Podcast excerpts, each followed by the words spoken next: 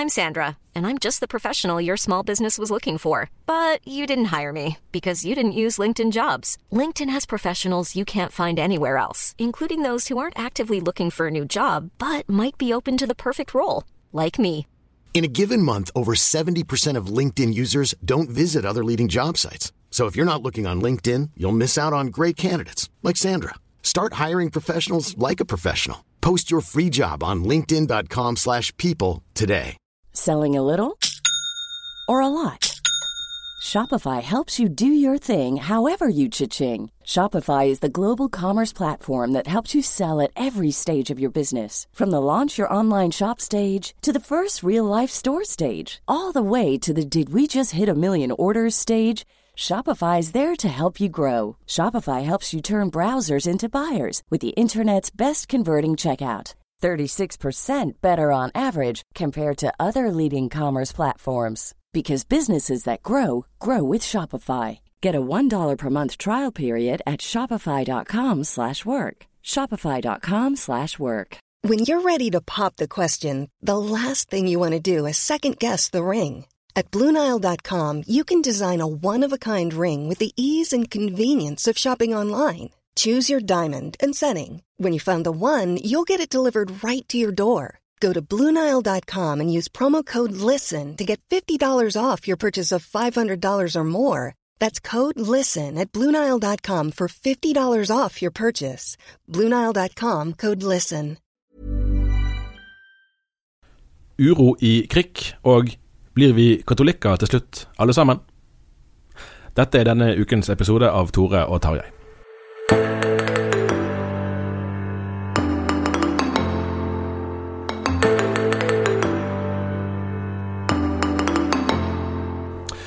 Ja, Tore Hjalmar, nå sitter vi her i studio. Høsten er kommet eh, til Bergen, i hvert fall hvis vi ser på regnværet ut eh, vinduet. Men mandag denne uken var det styremøte i Krikk, og de bestemte seg for en, et todelt vedtak, der de på den ene siden sier at de fastholder ekteskapet som Guds ordning for mann og kvinne, men de stiller ikke krav om at lederne deres, de frivillige lederne særlig, eh, må ha det synet. Var dette overraskende? Det kommer kanskje litt an på hvem en uh, spør. Det har jo vært uenighet uh, tydelig i avisspaltene og andre plasser om hvordan krig skulle løse dette. Og nå kommer en vel til, til en løsning som, som, kanskje på en måte skal, skal møte begge sider, men kan stå i fare for at, at ja, det, det, ikke blir akkurat samling bak det likevel. da. En, en del av det altså konservative, klassiske, tradisjonelle synet, hvilken merkelapp man nå vil bruke, har jo vært at, at dette er eh, kirkesplittende i sin natur. Altså at, at uenighet eh, vil bryte fellesskapet på den måten at, eh, at, man, at det nye synet, da, at man kan eh, at to av samme kjønn kan gifte seg i kirkelig regi og få kirkens velsignelse, at det bryter med kristen lære, og at dermed er ikke det et standpunkt man kan akseptere. Altså Det er ikke et spørsmål man kan være ja. uenige om eh, innenfor kirken. Det er vel det, den skansen, som kanskje aller mest blir truet her. Det er jo verdt å minne om at et utvalg av tre biskoper sa nettopp det i 1997. Mm. Eh, da eh, var jo ikke ting kommet så langt som det var i, i nå, naturligvis, i, i Den norske kirke. Men, men, eh, det ble vel kjent i 1995 at det var tre biskoper som åpna for homofil samliv, men da var det ikke snakk om, om vigsel å gjøre ekteskapet kjønnsuavhengig. Eh, og eh, da var det også en av de eh, som var liberale i homofilispørsmålet, Sigurd Osberg, som var med på den eh, uttalelsen, sammen med Odd Bondevik og Halvard Bergan, så vidt jeg husker. Ingen av dem er jo biskoper fortsatt nå, men også så seint som i 2007-2008 så gikk jo Kirkemøtet med over 80% flertall imot den nye ekteskapslova. Sånn at det der er jo ting som har skjedd veldig raskt. Det er nok det som, som har slått meg nå når jeg har jobba med journalistikk i forbindelse med dagens sitt 100-årsjubileum, at hvis du ser ting som ble uttalt i, kirkelig debatt på 90-tallet, så uh, har jo retorikken endra seg veldig. Men også altså Det er jo tydelig at det her har skjedd store eh, teologiske eh, hva si, eh, vektforskyvninger eller, eller, endringer. Da. Krikk er jo en, en, størrelse med betydelig nedslagsfelt, både i Den norske kirke, eh, men kanskje ikke minst i bedehusorganisasjonene. Eh, og det har jo skjedd, som du sier, store endringer. Hadde det hadde det vært praktisk mulig for Krik å, å, fatte et motsatt vedtak, da å si at eh, vi fastholder eh, praksisen med at lederne våre på leire og i alle mulige slags sammenhenger i Krik-regi må ha det synet som, eh, som man tradisjonelt har hatt. Hadde det, vært, altså hadde det blitt for mye bråk internt hvis de hadde gjort det? Det blir iallfall veldig mye bråk eksternt. Mm. Eh, og så Internt så, så, kjenner ikke jeg Krik eh, så godt, altså organisasjonsstrukturene, mm. hvem som er med og sånn. Det var jo tydelig at det også var folk som jobba i Krik som var, var, veldig tydelige på at de ikke ønska eh, en liberalisering i dette standpunktet i Krik. Og så har jo også Krik samarbeid med eh, f.eks. Eh, krikklinje på Indremisjonsforbundet sin bibelskole mm. på bildet, med, med, Fjellhaug, altså NLM sin Misjonssambandet sin bibelskole i Oslo. Eh, og det er jo organisasjoner som har vært veldig tydelige på at dette spørsmålet er eh, kirkesplittende. Og dermed så, så, blir det jo litt utfordrende, som generalsekretær Øyvind Aasland i eh, Misjonssambandet eh, påpeker overfor dagen, da, at, eh, at hva konsekvenser dette vil få for samarbeidet. Så, så, sånn sett så, så, er det jo vanskelig å, å, å få til et, et, vedtak som alle vil være fornøyde med. For du har jo også hatt eh, stemme på, på eh, liberal side fra, en som jobber på Kristelig gymnasium i Oslo, eh, og har ansvar for, eh, for KRIK der, så vidt jeg forstår. Eh, og, og, det sier jo noe om at hvis du ja, går noen tiår tilbake i tid, og ikke så veldig mange tiår heller, så kunne du forutsette en slags Eh, teologisk ortodoksi, da, eller en slags eh, felles eh, teologisk holdning i en del spørsmål som der det nå er oppstått ny uenighet, ikke minst i lys av Den norske kirkes utvikling. Nettopp. Vi skal vel ikke mer enn ett tiår tilbake i tid før et sånn her vedtak hadde med ganske stor sikkerhet ført til brudd i samarbeidet med f.eks. bedehusorganisasjoner. Så sånn sett er jo kanskje det vedtaket som nå er kommet, en litt sånn prøvestein på, på denne saken sin eh, reelle sprengkraft i dag. Altså Mange kommer til å bli, bli skuffet og lei seg, jo, og vi kommer til å få mange leserinnlegg sikkert i, i, dagene, i, dagene, og kanskje ukene fremover. Men, men, de praktiske konsekvensene er kanskje litt mer usikre nå enn det ville vært eh, for, eh, ja, for, kanskje, for kanskje ti år siden. Ja, det vil, vil, i hvert fall være samtaler mellom disse organisasjonene og KRIK eh, for å avklare hva dette, dette betyr. da. Eh, og så var det vel også signalisert fra Krigs side at, eh, at, det kunne være lokale variasjoner i hvordan en, en håndterte dette. her, For Krig opererer med det en kaller spilleregler, mm. eh, med inspirasjon fra idretten. Så, bra, ja. eh, så, så eh, det blir jo interessant å se hvordan dette utvikler seg videre, men det sier jo en god del om hvor vanskelig dette her er blitt. Nettopp. Ok, denne saken kommer vi ganske sikkert tilbake til, i hvert fall i avisspaltene, kanskje også her i podkasten. Resten av denne episoden er viet et intervju som vi gjorde i går med Ottar Mikael Myrseth. Han var i mange år prest i Den norske kirke. Nå har, han de siste nesten 20 årene vært prest i noe som heter Den nordisk-katolske kirke. Det er en størrelse som kanskje ikke så mange kjenner til, men Ottar er en ganske reflektert mann. Han har vært fast spaltist i Dagen i mange år. Han kommer fra din del av landet. Si helt, helt kort litt om hans eh, bakgrunn og utvikling der?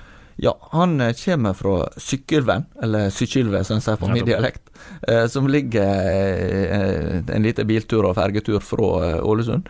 Og han er da har vært prest i Spjelkavik i Ålesund kommune, og så har han nå, da etter han meldte seg ut av Den norske kirke, vært lærer på på Ålesund folkehøgskole, eller Borgund folkehøgskole som det heter før, og så ekt av Indremisjonsforbundet. Eller Sunnmøre Indremisjon IMF Sunnmøre heter det vel nå. Ja, det, det. er så mange navneendringer. Formalitetene, ja. ja.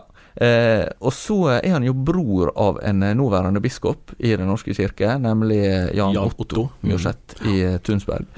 Eh, sånn at eh, han eh, Og han har jo vært mye engasjert i si, det som blir kalt bekjennelseskampen i Den norske kirke, altså på en mer høgkirkelig side, da, eh, kan jeg si, det, i den tiden han var der. Og samtidig så er han rødt og forankring i bedehustradisjonen, så at den står i litt sånn interessant eh, ja, eh, ganske brei kirkelig bakgrunn, vil jeg si.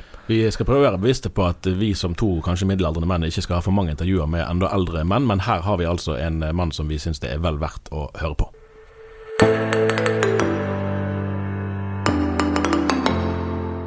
Vi spurte innledningsvis eh, om vi blir katolikker til slutt, eh, alle sammen. Det er jo et litt retorisk eh, spørsmål. Men du, Ottar, er jo prest i Den nordisk-katolske kirken. Har vært det i 13 år, er det vel?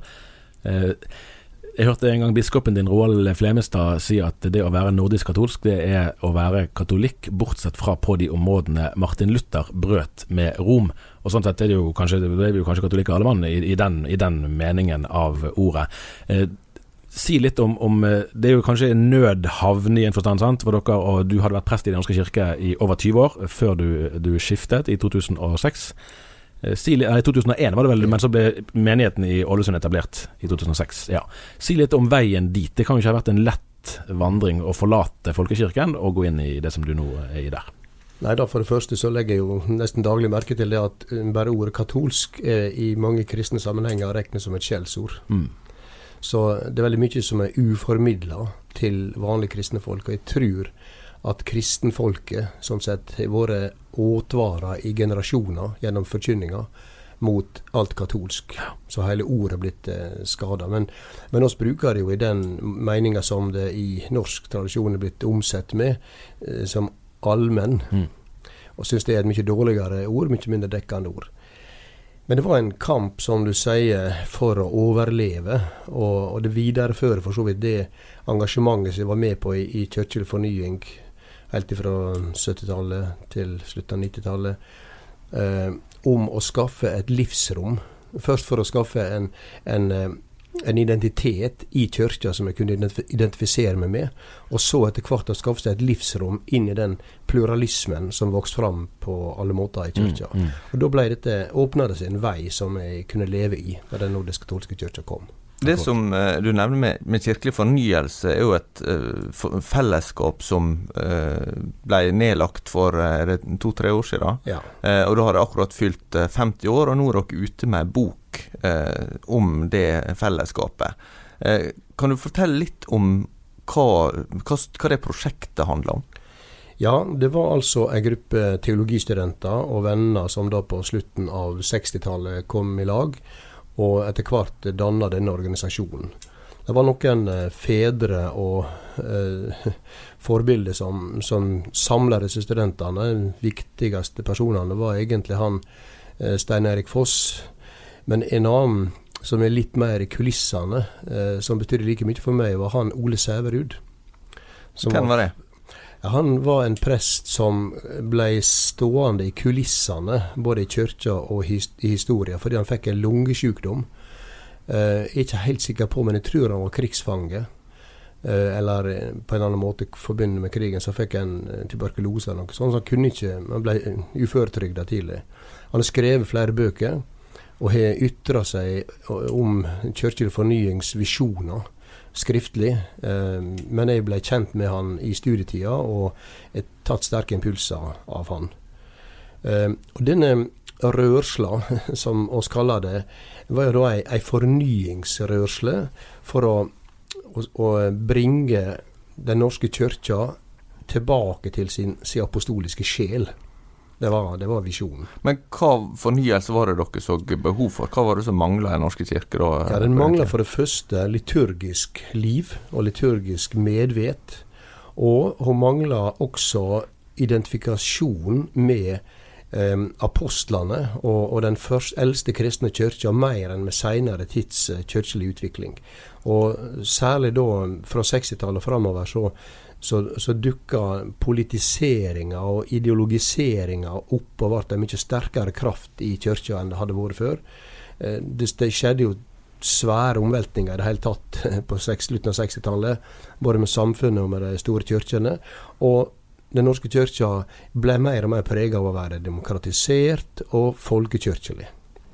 Det var jo flere forsøk uh, på å få til en sånn indre fornyelse, en vitalisering. Sant? Vi hadde dette som et samråd på kirkens grunn. Eh, flere av det som jeg vil se på som, som svært dyktige og dedikerte prester, eh, prøvde i sin fortvilelse over utviklingen å etablere enten bevegelser innenfra. Etter hvert var det jo flere forsøk på å etablere noen alternative strukturer, delvis innenfor, delvis utenfor Den norske kirke, for å bidra til, eh, til å fornye kirken. Eh, men så, så, har det vært vanskelig, og man har kanskje møtt mer motstand eh, enn man hadde uh, håpet på. Uh, kan du sette litt ord på den altså noe, noe, av grunnen for at jeg spør om det, er at, at uh, Strandebarn prosti, f.eks., som Børre Knutsen og flere rundt han etablerte, og, og Nordisk katolske kirken, har jo hatt vanskelig for å rekruttere de store mengdene. Du har vel spøkt med at du har ca. like mange til gudstjeneste som mesteren hadde disipler. Ja. Eh, det er jo en litt munter eh, uttrykksmåte. Eh, hadde, hadde, dette blitt en sånn mellomstasjon som har løst en akutt situasjon for dere, for prestene, men som egentlig det er vanskelig å videreføre til neste generasjon? Ja, begge. Altså, en, det, det, var en sånn mellomstasjon som løste akutte eh, overlevelsesbehov mm. hos oss. Fordi oss, oss opplevde at det, den store kirka ikke ville ha oss. Og det hadde oss med oss et, eh, en positiv visjon den kirkelige fornyinga, men samtidig den politiske bevisstheten, den kirkepolitiske, som gjorde at vi måtte rydde regler og, og, og, plasser å være, og sammenhenger å kunne utfolde oss i. Og der møtte oss altså mest motstand. Hva type um, motstand er det du snakker om da? Ja, da F.eks. dette samrådet på Kirkens grunn som kom i 1991. Vi tok kontakt med bispemøtet i flere omganger og gjorde det samme som denne grupperinga Karissimi gjorde 10 år, ja, ja, 10 og 15 år seinere. Altså forsøkte først å få kjøreregler. Det hadde jo Presteforeninga hjulpet oss med i kvinneprestproblemstillinga. Og også etter at det kom en kvinnelig biskop av Hamar, så tok oss eh, kontakt for å få alternativt biskopelig tilsyn, for vi kunne ikke anerkjenne en kvinnelig biskop. Og på alle disse forsøka så lukka eh, bispemøtet som den tida hadde makta, døra.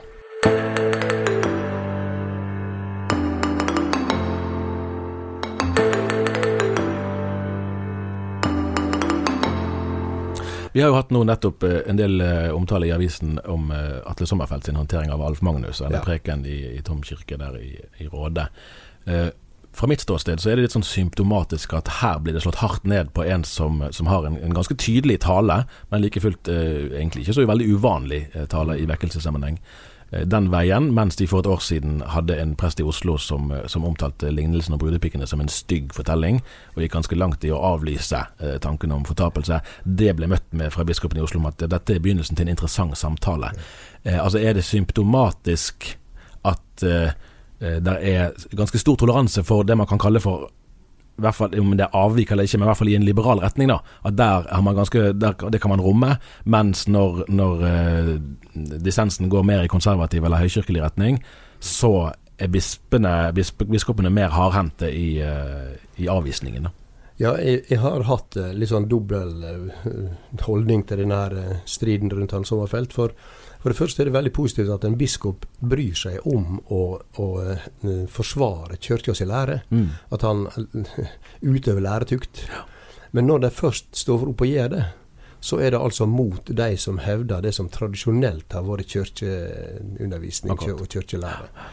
Og det er nok helt uh, klart, syns jeg, et utslag av at det, det er de liberale kreftene som har tatt makta mm. i folkekirka. Og, og, den, og frimodigheten til de lederne som står på den linja, blir større og større med åra. Hva ser du for deg? Ingen av oss kjenner morgendagen, og i hvert fall ikke hvordan livet er om ett og ti år. Men, men norsk kristenhet eh, med folkekirke som står sterkt i befolkningen, men som det går nedover med medlemstallene, og egentlig er det vel nå, tror jeg, på en vanlig søndag så er det kanskje like mange som går til gudstjeneste eller møte utenfor Den norske kirke som innenfor i Norge. Ja. Eh, hva slags uh, utvikling ser du for deg der, egentlig? Nei, jeg tror dessverre at det, det folkekirkelige apparatet blir mer og mer folkelig og mindre og mindre kirkelig. Og at det, det åndelige, livskraftige miljøene de vil du finne i frikirkelige og alternative sammenhenger. Eh, du kan kanskje få seg at eh, kirkene blir mer og mer kulturkirker. Jeg snakka med en svensk prest nå i helga. Han sa at det, på gudstjenestene der, så var det på messefeiring, altså nattverdgudstjenesten, så var det fra null til fem deltakere i den kirka. Men på årsstatistikken så sto det 3500 ja. i kirka. Og, og, og hva, hvem er de? Jo, det er de som går på konserter og i begravelser. Akkurat. For eh, fire år siden, fant jeg ut, lette litt i arkivet, vel fire år siden, så intervjuet jeg i Ålesund. Da var du fortsatt eh, lærer på det som nå heter Sunnmøre folkehøgskole. Ålesund folkehøgskole. Ålesund folkehøgskole, unnskyld. Sunnmøre folkehøgskole i Ulsteinvik. Ja. Det må vi korrigere. eh, og da eh, Tidligere kjent som Borgund, sant? Ja, den som du jobbet ja, på. Det, på det. det, var det jeg lærte å kjenne det som. Ja. Og, og tittelen på det intervjuet 'Vinker farvel til siste kristne generasjon'. Og noe av utgangspunktet her var jo nettopp at du mener nå er ikke eh, kristne eh, i stand til Iallfall altså, veldig mange er ikke egentlig i stand til å videreformidle trua til sine egne barn. Eh, for en kjenner den for lite, og er for lite trygge på, på, på hva, en, ja, eh, hva en skal fortelle, og hvordan en skal formidle. Da. Eh, hvordan har du merka det i møte med folkehøyskoleelever? Du har jobba, eh, nå er du blitt pensjonist, men du har jobba ganske lenge mm. i folkehøyskole. Hvordan merker du endringene i, i ungdomskultur og, og, bevisstheten rundt hva kristen tro er for noe? Ja, fra jeg begynte der i 2001 og til eh, jeg slutta her i 2017, var det vel, så, så var det to tendenser som var veldig merkbare. Den ene var stadig mindre kristendomskunnskap blant elevene. Og særlig når RLE-generasjonen kom mm. inn i folkehøgskolen, så ble det et stort fall i kristendomskunnskap. Men den andre tendensen det var en stadig større åpenhet for det åndelige og for det religiøse. Så vi hadde å gjøre med, med ungdomsgenerasjoner som, som du kunne fortelle hva som helst til, men du måtte begynne på scratch. Og Det var veldig spennende, for de, de, de kunne jo formes, for de var mottakelige for både Jesus og, og Gud og uh, ondskapens krefter i, i, verdensrommet. Så de, um, det var som, som tomme kar som, som liksom ba om å bli fylt av et eller annet. Og hvis ikke vi bidro til å fylle dem med noe kristelig, så ble det fylt av andre ting. Men da vil jo eh, svaret variere veldig på hvordan kristne skal møte dette. For som vi sier, nå må vi gå inn på ungdommen sine premisser. Vi må ikke ha en større kulturell avstand enn det som er nødvendig. Mm. Og dermed vil en ha uh, måte, musikk og, og, møteformer og sånn som, som, er lett å kjenne seg igjen i fra populærkultur.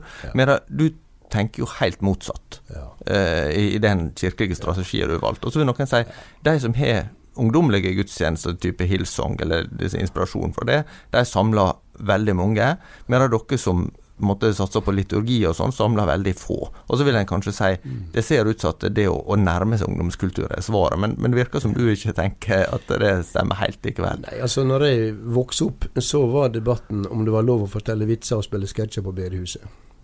Og den, den, Sånn er ikke det lenger. Nå er det mer spørsmål er det vits i å bruke tida si på det. Altså på å underholde folk.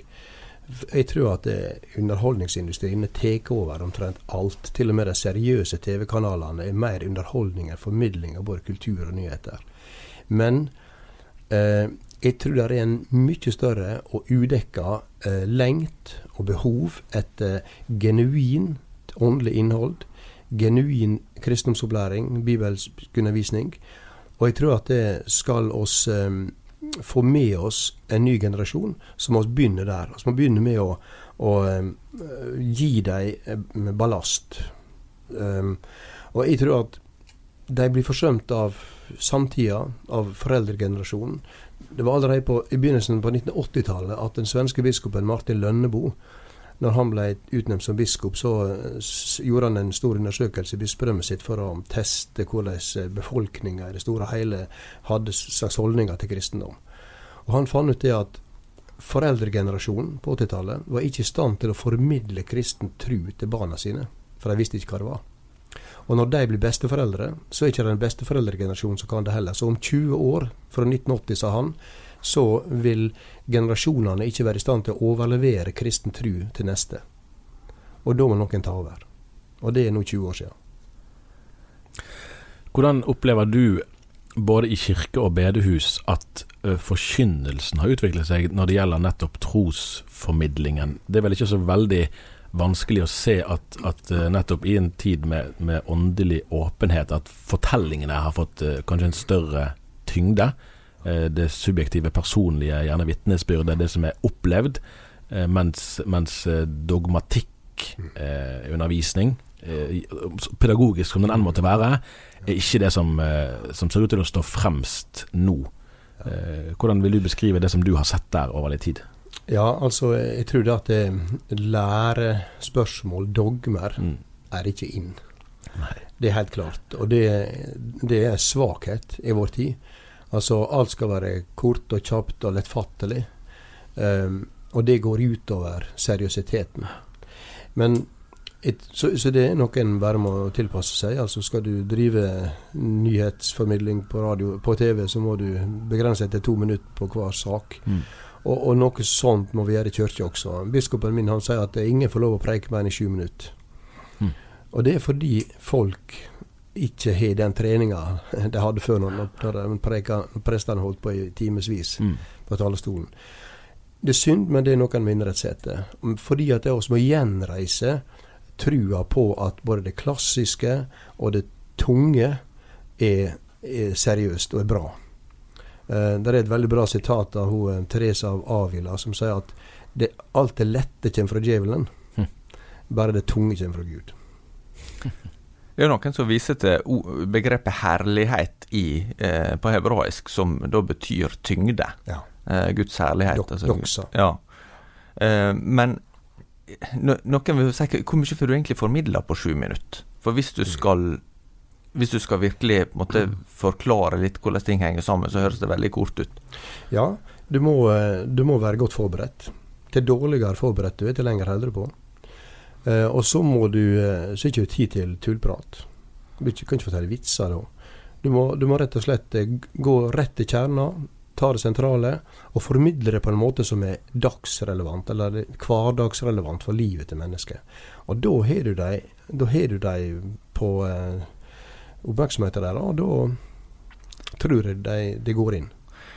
Jeg snakka med en teolog som har forholdsvis like bakgrunn som du, er litt yngre, eh, men som nå er besteforeldregenerasjon. Og så eh, stilte jeg et spørsmål som jeg har tenkt en del på etterpå. Det gjaldt å ha sine egne barnebarn, om de kommer til å ha en naturlig gudserkjennelse på samme måte som han vokste opp med. Fordi eh, det er jo en noe med at den, den kristne trua har vært så, så, uh, kulturformende og på mange måter selvsagt for iallfall oss vokst opp i, i bibelbeltet. Ja. Hvordan tenker du om det i møte med yngre mennesker? Jeg tror at det, det sitter i mennesket sitt indre liv, altså lengten etter Gud. Så jeg tror ikke, tror ikke, at den forsvinner ettersom underholdnings- og den overfladiske kulturen blir sterkere og sterkere. Uh, men det, det, det, som er synd, det er at det er færre og færre som er i stand til å for, formidle den. Og formidle det, det, som er genuint og er innholdsmessig tungt, og som sånn sett kan, kan åpne Guds herligdom.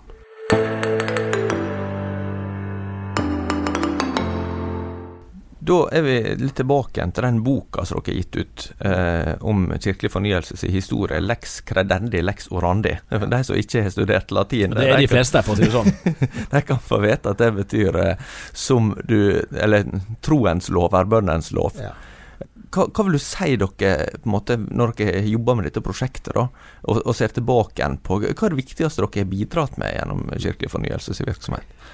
Ja, jeg tror um, at uh, oss i alle fall har gitt et viktig bidrag til at, um, at folk i den norske kristenheten um, har, blitt, har fått øynene opp for liturgiske former og farger og lys og lukter til en viss grad. Uh, det viste seg å være lettere å formidle disse yttertinga enn å formidle den kirkelige fornyinga. Så jeg tror at det, mange har blitt mer høgkirkelige enn de var før. Men de har ikke med det blitt kirkelig fornya. Så visjonen vår eh, av at eh, kristenlivet og kirkelivet trenger å bli fornya gjennom kontakt med de apostoliske og, og, og første kristelige røttene, eh, det er den vi har nådd dårligst gjennom med. Mens alle går i prosesjon. Men en del som kjenner altså Du har jo selv vokst opp på bedehuset og, og har den måte, en ganske tydelig lavkirkelig bakgrunn i utgangspunktet. Så, så nevner du det at det, der er jo vært en ganske tydelig uro eller en skepsis til det katolske, fordi en opplever at dette fører oss vekk fra ja. det reformatoriske, det evangeliske, og inn i måte, både lovgjerninger og, og, ting som, som er måtte, vekk fra den åndelige arven som har vært så viktig i Norge særlig, og motiverende for misjon og bibellesning og mange ting. Hvordan svarer ja. du om det? Du har sikkert fått spørsmålet mange ganger. Ja, altså, Mine bedehusledervenner de bruker jo erte med ja. å si at eh, dere må slutte å leke 1800-tallsleiken. og innse at bedehusene er i ferd med å eh, enten forandre seg eller forsvinne helt ut. Eh, og um, de må tilpasse seg en ny tids utfordringer. Jeg tror at bedehusforkynninga den er tilpassa behov som var for 100 år siden. Eh, så den må forandre seg også. Men det, det, det som er å, å si om, om bedehusarven min, eh, det er at det, problemet med den er ikke det de har, men det de mangler. Og det som jeg legger i visjonen om kirkelig fornying, er de tilleggene til bedehustradisjonen som mangler der. Sans for den liturgiske uttrykksformene. Eh, sans for eh, Eh, det Kirka er og står for. At Kirka er en, en, fellesskap av mennesker som trer synlig fram i verden, og som er samla omkring en prest og har ei gudstjeneste med nattverdfeiring som sitt viktigste møtested. Disse visjonene her er nødt til å gå inn i bedehuset og kristenfolket for at de skal ha ei framtid. Mitt inntrykk har vært at uh, samtalen om bedehusets liturgi er veldig vanskelig å føre nå. Ja. Og det, Jeg har prøvd å finne hva slags bilde kan jeg bruke for å beskrive det. og Jeg, jeg har ikke noen greie på, på entreprenørarbeid, men, men, at hvis du har bygget et trehus, og så skjønner du etterpå at det skulle vært et murhus, ja. så er ikke det bare bare å gjøre om på det, for det griper så fundamentalt inn i de strukturene det er etablert med. Eh, og det er litt derfor egentlig at det retoriske spørsmålet var formulert som det var. Eh, sant? Om vi blir katolikker til slutt, alle mann. Ikke nødvendigvis direkte det, men, men et av de spørsmålene som jeg virkelig lurer på når det gjelder uh, utviklingen i Kristen-Norge, er om du kommer til å se en mer løsrevet, og ikke minst lavkirkelighet eller frikirkelighet, som, der du har sterke enheter som opererer selvstendig hver for seg, med litt forskjellig betoning og noen mer populærkulturelle enn andre. Fordi at ønsket om en tydelig overbygning, om, om, en forpliktet eh, tradisjonell forankring, eh, foreløpig ser ut til å være et litt sånn prosjekt for ledere. Eh, man har hatt vanskelig for å liksom nå frem til grasroten, da, eh, eller grasrøttene, eller hva man skal si, eh, med behovet for den, den forankringen. For, kanskje litt fordi at det ligger liksom i denne bevegelsens natur å være litt autoritetsskeptiske. Ja, ja nei, altså jeg tror at det, det, det, den mangel som trenger å bli tilført bedehustradisjonen, er annet dette med den liturgiske strukturen. Og du ser debatten er, som du sier, kommer i gang, men det er vanskelig. Mm. Så trenger de å, også å bli tilført kirkelig struktur. Altså tilsynsordninger og, og jeg kaller det gjerne synodale, eller, eller ordninger der, der, de er forplikta på hverandre. Fordi, fordi eh, det, det, Jeg hilser velkommen alt arbeidet for forsamlingsbygging mm. på bedehuset. Og jeg tror det er en helt nødvendig uh, ting å begynne med for å slutte å leke 1800-tallsleken. Ja. Um, og den uh, For nå ender disse forsamlingene så lett som kongregasjonalistiske. Altså Akkurat. at hver enkelt forsamling er seg sjøl nok ja. og, og styrer seg sjøl og ikke avhengig av noen andre. Det ja, vi hadde en, et slagord som vi brukte mye på uh, 80- og 90-tallet. Hvis ikke vi henger sammen, så blir vi hengt hver for oss. Mm. Og det, det, kan disse her forsamlingene oppleve også. Men hva vei ser du framover? For altså, Den nordisk-katolske kirka som du har valgt å engasjere har jo forblitt et veldig lite kirkesamfunn. Mm. Ja. Eh, hva tenker du om framtida der, og hva tenker du om framtida for andre strukturer? Jeg tror at vi er nødt å eh, slutte å tenke Billy Graham-kampanjer. Eh, folk blir ikke kristne gjennom store aksjoner i vår tid.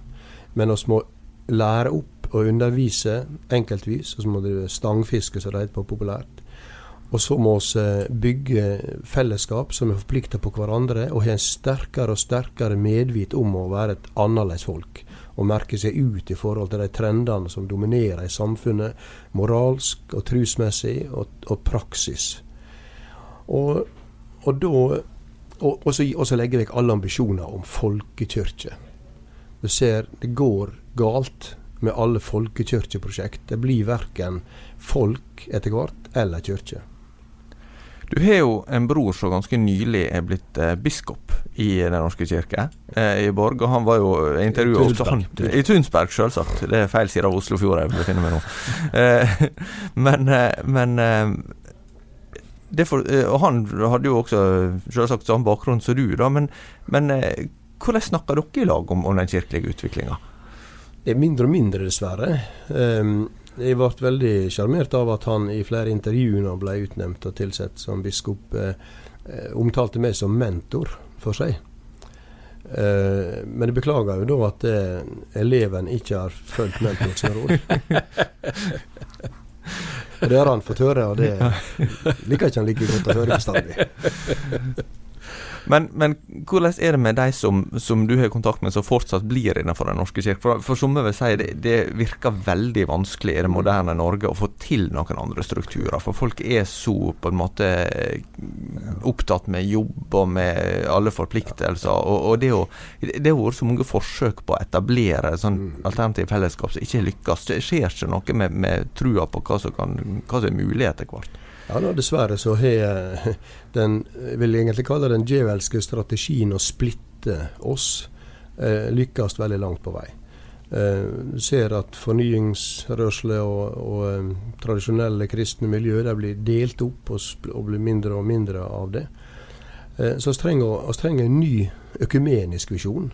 Vi trenger å oppdage at, at vi er nødt til å, å finne sammen på tvers av tradisjonelle grenser.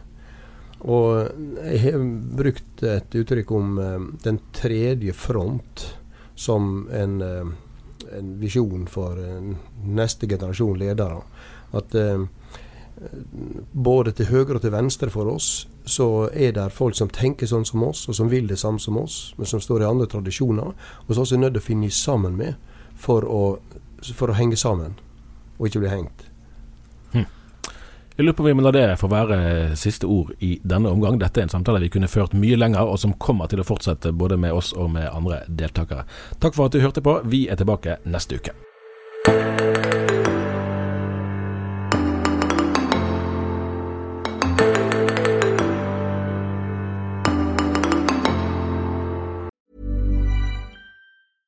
Hey, folks, I'm Mark Marin from the WTF Podcast, and this episode is brought to you by Kleenex Ultra Soft Tissues your ally to help tackle your allergy symptoms this season. I love the change of seasons, but nobody loves pollen and all those other things floating in the air that make you sneeze during this nice weather. Kleenex Ultra Soft tissues are hypoallergenic and allergist approved. So fight back against watery eyes and runny noses without worrying about irritating your skin. For this allergy season, grab Kleenex and face allergies head on.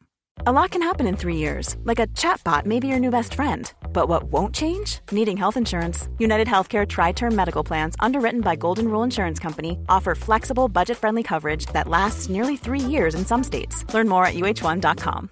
Imagine the softest sheets you've ever felt. Now imagine them getting even softer over time. That's what you'll feel with Bowl and Branch's organic cotton sheets. In a recent customer survey, 96% replied that Bowl and Branch sheets get softer with every wash. Start getting your best night's sleep in these sheets that get softer and softer for years to come. Try their sheets with a 30-night guarantee. Plus, get 15% off your first order at bowlandbranch.com. Code BUTTERY. Exclusions apply. See site for details.